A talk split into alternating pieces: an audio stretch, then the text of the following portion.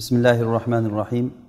إن الحمد لله تعالى نحمده ونستعينه ونستغفره ونعوذ بالله تعالى من شرور أنفسنا وسيئات أعمالنا. إنه من يهده الله فلا مضل له ومن يضلل فلا هادي له. وأشهد أن لا إله إلا الله وحده لا شريك له. وأشهد أن محمدا عبده ورسوله.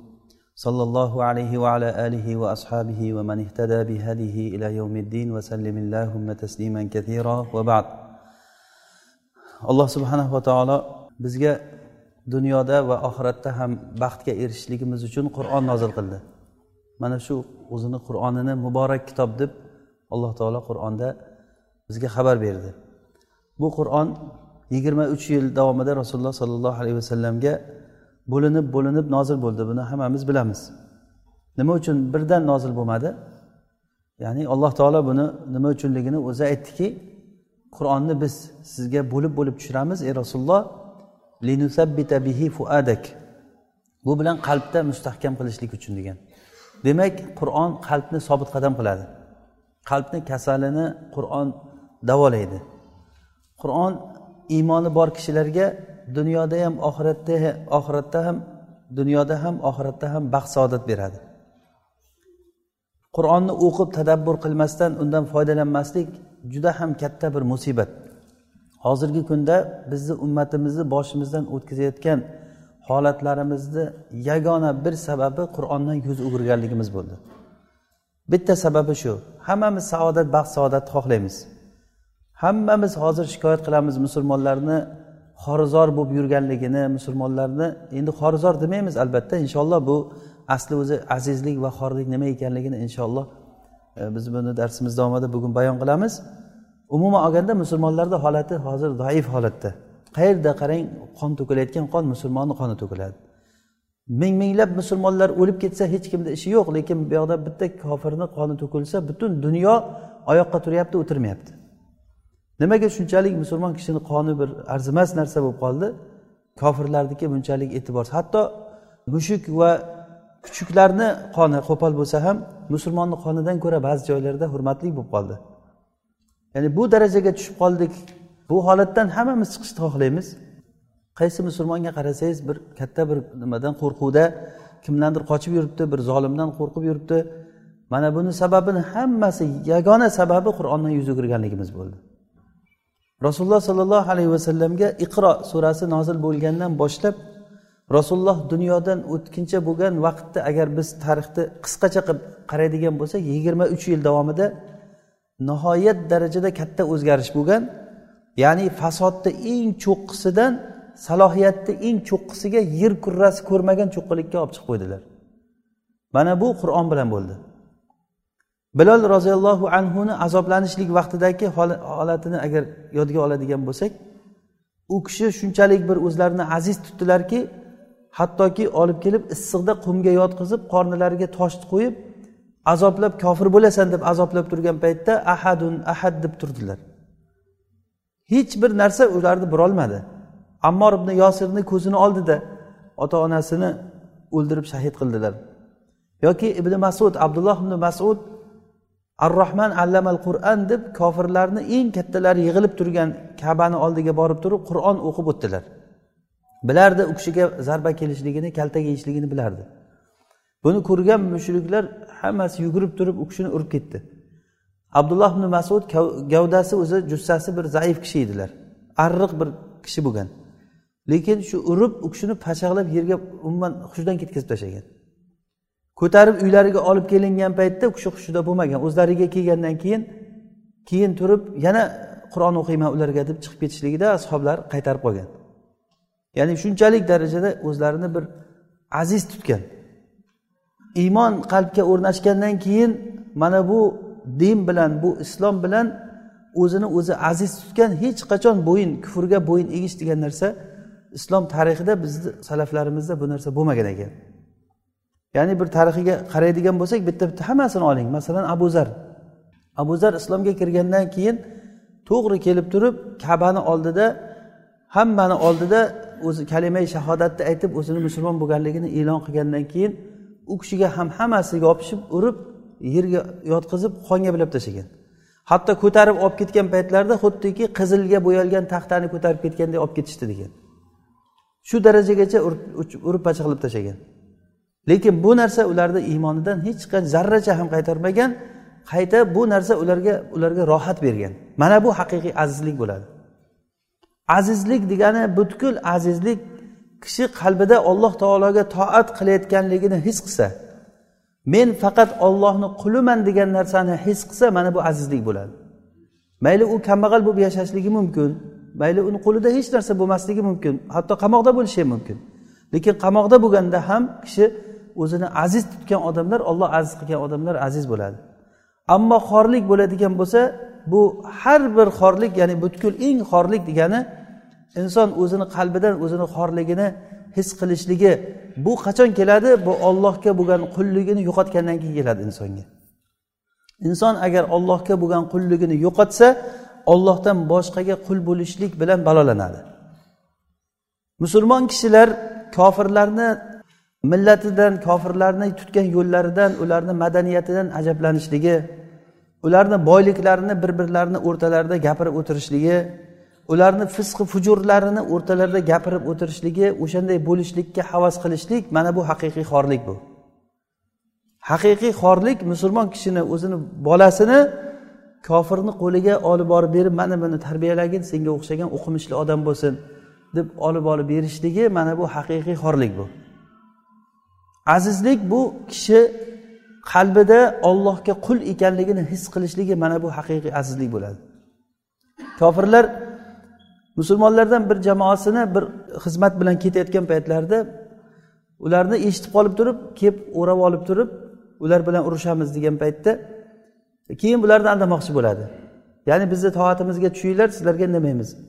Shunda osim ibn sabit degan sahobiy aytadiki men hech qachon kofirlarni va'dasiga ishonmayman ham ularni bergan omonligiga tushmayman hech qachon.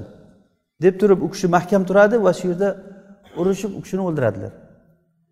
U kishini o'ldiradi va qolgan sheriklarini hubayb zayd va yana boshqa bir ismli bir kishi shu uchalasini ular omonlik beramiz deb aldab qo'lga oladi. Qo'lga olgandan keyin kelib qo'llarini boylaydi. Qo'llarini baylagan paytda ular aytadiki mana bu birinchi xiyonatlaring sizlarni o'zi kofirni odati xiyonat o'zi. Ularni keyin makka mushriklarini oldiga olib borishadi va shunda hubayb badrda ularni makkaliklardan bir kishini o'ldirganligi uchun ularga o'ch olishlik uchun hubaybni ularga hadya qilib berib yuboradi o'ldirish uchun. Shunda u kishini o'ldirgani olib chiqqan paytda makkani tashqarisiga haramda o'ldirmasdan o'zlaricha rioya qilib turib hilga olib chiqadi o'ldirishlik uchun.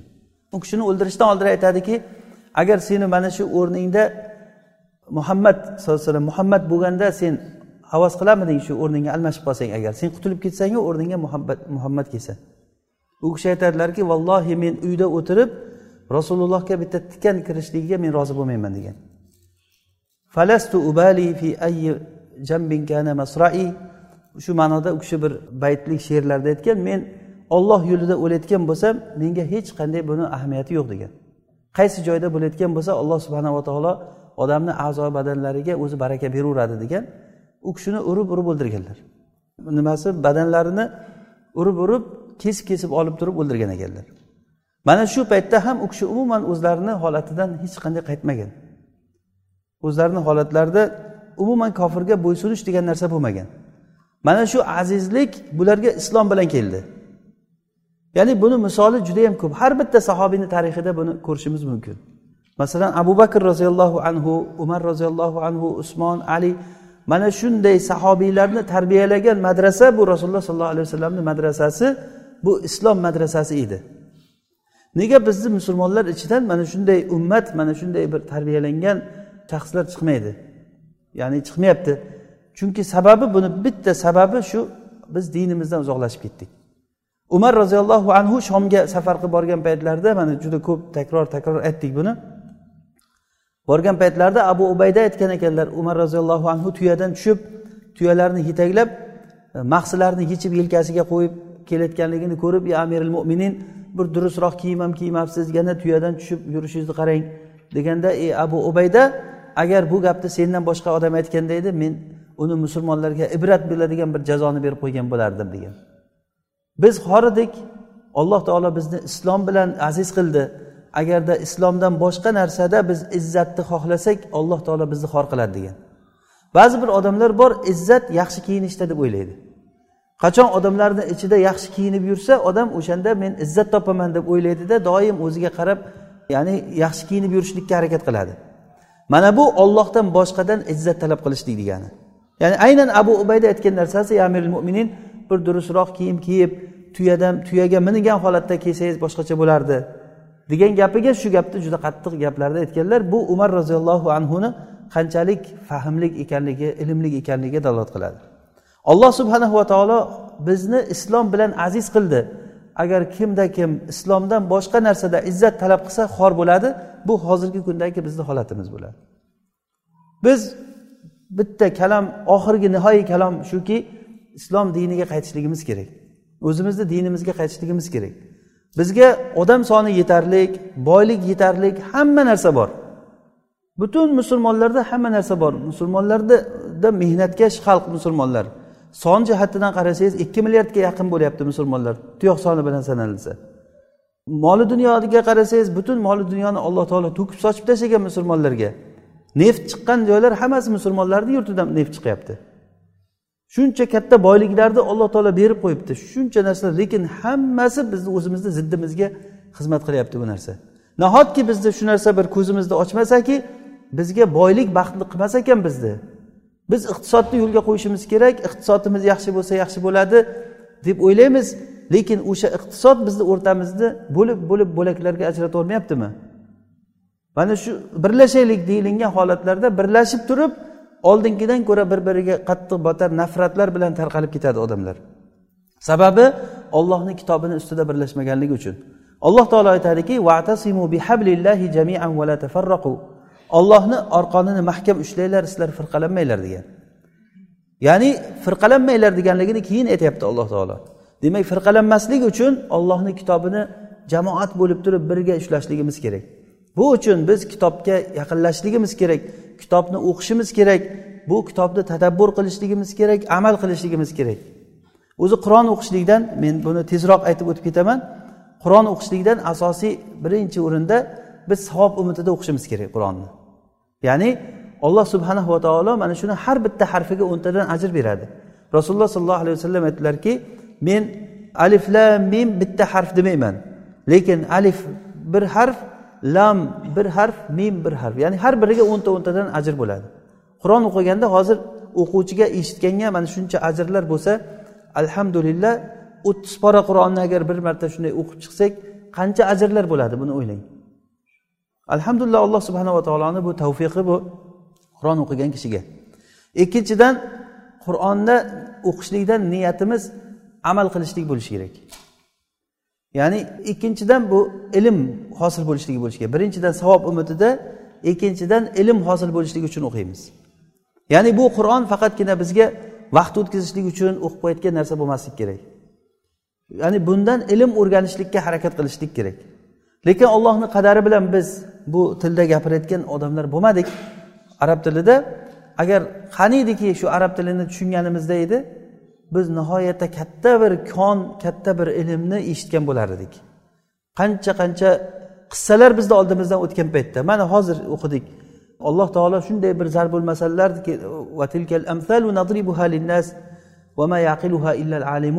mana bu misollarni zarbul masallarni alloh taolo zarbul masal qilib keltiradi. Buni faqat olim odamlargina tushunadi degan. Alloh taolo har xil zarbul masallar keltiryapti. Har xil hikoyalarni keltiryapti bizga. Nuh alayhissalomdan boshlab odam alayhissalomdan keyin nuh alayhissalom ibrohim alayhissalom payg'ambarlarni qissalari ularni oqibatlari nima bo'lgan? Bularni keltiryaptiki bizga o'sha narsadan biz ilm o'rganishligimiz uchun. Ha demak mana bu holat shu ekan deb hammasini yig'indisi bitta narsaga keladiki banda qachon alloh taologa abd bo'lib allohga qul bo'lib bosh qo'ysa alloh subhanava taolo o'sha odamni aziz qiladi o'shani ko'taradi. Bunda shak shubha yo'q bo'lgan narsa. Bizni eng katta qurolimiz eng katta kuchimiz alloh taologa bo'lgan ubudiyatimiz qulligimiz bo'lishlik kerak. Bu narsa juda ko'p takror aytishimiz kerak bu narsani. Qancha takror aytgan sari qalbimizga shu narsa o'rnashadi. Bo'lmasa ko'pchiligimizni qalbimizda boshqa narsa o'rnashib qolyapti. Bizni izzatimiz boshqa narsada deb o'ylab qolinadi odam. Izzat faqatgina alloh taologa qul bo'lishlikda ollohga qul bo'laylik alloh taolo o'zi o'zi bizga hamma narsadan baraka beradi. Bu qur'onda mana shu narsa necha marta takror o'tyapti? Alloh taolo aytyaptiki agarda bir qishloq ahli taqvo qilib iymon keltirib taqvo qilganlarida edi biz ularga osmonu yerlardan barakalarni ochib bergan bo'lardik. Lekin ular yolg'onchi dedilar payg'ambarlarni kitoblarni yolg'onchi dedi. Hozirgi odamlarni holati xuddi shu shu emasmi alloh taolo qur'onda hijob o'ranglar desa hijob o'ramay yurgan odamlar yo'q u nima desa deyaversin olloh biz qilmaymiz degani emasmi bu? Alloh taolo ro'za tutinglar deb buyurgan buyrug'ini ko'chaga chiqing odamlarni ro'zadorligini ko'rasiz. Alloh taolo namoz o'qinglar deb buyurgan bo'lsa qancha odam namoz o'qiyapti masjidlarda faqatgina yosh katta odamlarni ko'rasiz namoz o'qiyotganligini illaman rohima robbi. Alloh taolo o'zi tavfiq bergan yoshlar u bundan mustasno. Umumiy holatda odamlarni holatiga qarasak ular alloh taoloni buyurgan buyurgan buyruqlariga qilmaymiz nima qilsa qilsin deganga o'xshaydi. Demak qur'on o'qishlikdan maqsad bizga ilm hosil bo'lishligi uchun o'qiymiz. Agarda alloh taolo bizga mana shu o'zini qur'onini lug'atini o'rgatganda edi alloh taolodan shuni so'raymiz. Mana shu narsaga harakat qilamizki ilm hosil bo'lishligi. Agar biz arab tilini tushunmasak ham lekin tushungan bilgan rabboniy olimlar atrofida yig'ilib mana shu ilm o'rganishlikka harakat qilishligimiz kerak. Ikkinchidan qur'on o'qiymiz amal qilishlik uchun. O'zi ilm o'rgangandan keyin amal qilinmasa aynan yahudlar buni misoli bo'ladi. Alloh subhana va taolo ularga g'azab qilgan ularni la'natlagan ulardan maymunlar va ulardan cho'chqalar akramakumulloh ularni mana shunday yomon bir holatlarga tushirib qo'ygan haqiqatdan ham ularni cho'chqaga aylantirib qo'ydi. Haqiqatdan ham ularni maymunga aylantirib qo'ydi. Nima uchun? Bilib turib amal qilmaganliklari uchun. Ular boshqa bir ma'siyat qilmagan edi. Mana maymunga aylanib qolgan shanba kuni musibatlangan odamlarni voqeasini o'qib o'tdik qur'onda. Ular bitta ollohni buyrug'ini bajarmaganligi uchun shanba kuni ov qilmanglar degdi ular ov qildi ov qilganda ham ochiqdan ochiq ov qilgan emas. Ular hiyla qilib turib o'zlaricha bir shariatga amal qilgan bo'lib ko'rinib turib amal qilgan edi. Lekin ma'noda shu aynan shanba kuni ov qilishlik edi bu narsa. Mana shu bilan ular maymunga aylanib qoldi. Hozir o'ylang bizda qanday holatda yashayapmiz? Qilinadigan ma'siyatlar bilmay qilinyaptimi yoki atay qilinyaptimi? Ribo yeydigan odamlar zulm qiladigan odamlar qancha qancha musulmonlarga zulm qilib ularni mol mulklarini talantaroj qilib tortib olayotgan odamlar o'ziga halol sanab shuni bilmay qilyaptimi yo bilib qilyaptimi shu narsani?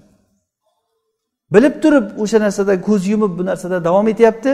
Mana bu gaplar yetib borgandan keyin har qanday yetib borgan odamga bu narsa hujjat bo'ladiki bu odam ehtiyot bo'lsin shanba kuni maymunga aylanib qolgan odamlarni holati esiga kelsin.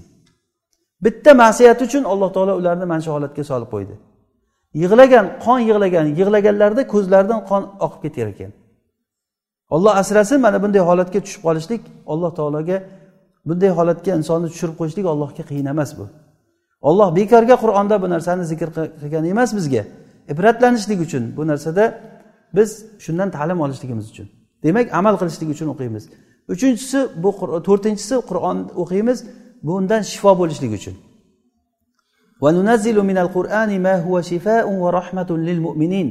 Alloh taolo aytadiki biz qur'onda shifo bo'lgan va mo'minlar uchun shifo va rahmat bo'lgan narsani tushiramiz degan. Demak bu qur'on shifo xuddiki hasan al basriy aytganlari kabi bir qavm borki ular qur'onni davosini qalblarini kasalligini ustiga qo'ydi degan. Qur'ondan shifo o'rganamiz biz. Qanday qilib shifo o'rganamiz? Inshaalloh buni keyingi darslarimizda inshaalloh qur'onni shifoligi haqida inshaalloh bir o'rganamiz. Va beshinchisi bu oxirgisi qur'on o'qiganda olloh taolo bilan gaplashgan niyatida biz qur'on o'qishimiz kerak ekan. Xuddiki kecha darsimizda aytganimiz kabi ya'ni qur'on o'qiydigan odam go'yoki alloh taolodan eshityapman desin. Xuddiki jafar sodiqni biz to'rtta holatdagi gaplarini aytib berdik. Ya'ni men olloh taolodan eshityapman deb o'qish kerak. Qur'onni qorini ovozi qorini kimligidan qat'iy nazar. Qur'on eshitdingizmi? Siz bilingki olloh bilan gaplashyapsiz degani. Demak mana shu mana shu beshta narsa doim bizni ko'z oldimizda bo'lishlik kerak. Birinchisi niyatimiz ajr savob uchun o'qiymiz. Ikkinchisi ilm o'rganishlik uchun. amal qilishlik uchun va shifo talab qilib va oxirgisi alloh taolo bilan gaplashyapman degan niyatda qur'on o'qiymiz. Alloh subhanava taolo bizga foydali ilm bersin. Eshitganlarimizga amal qilishlikka alloh taolo tavfiq bersin. Subhanakallohumma bihamdik. Nashhadu an la ilaha illa ant. Nastag'firuka va natubu ilayk. Sollallohu va ala abdika va nabiyika muhammadin alayhissalotu vassalam.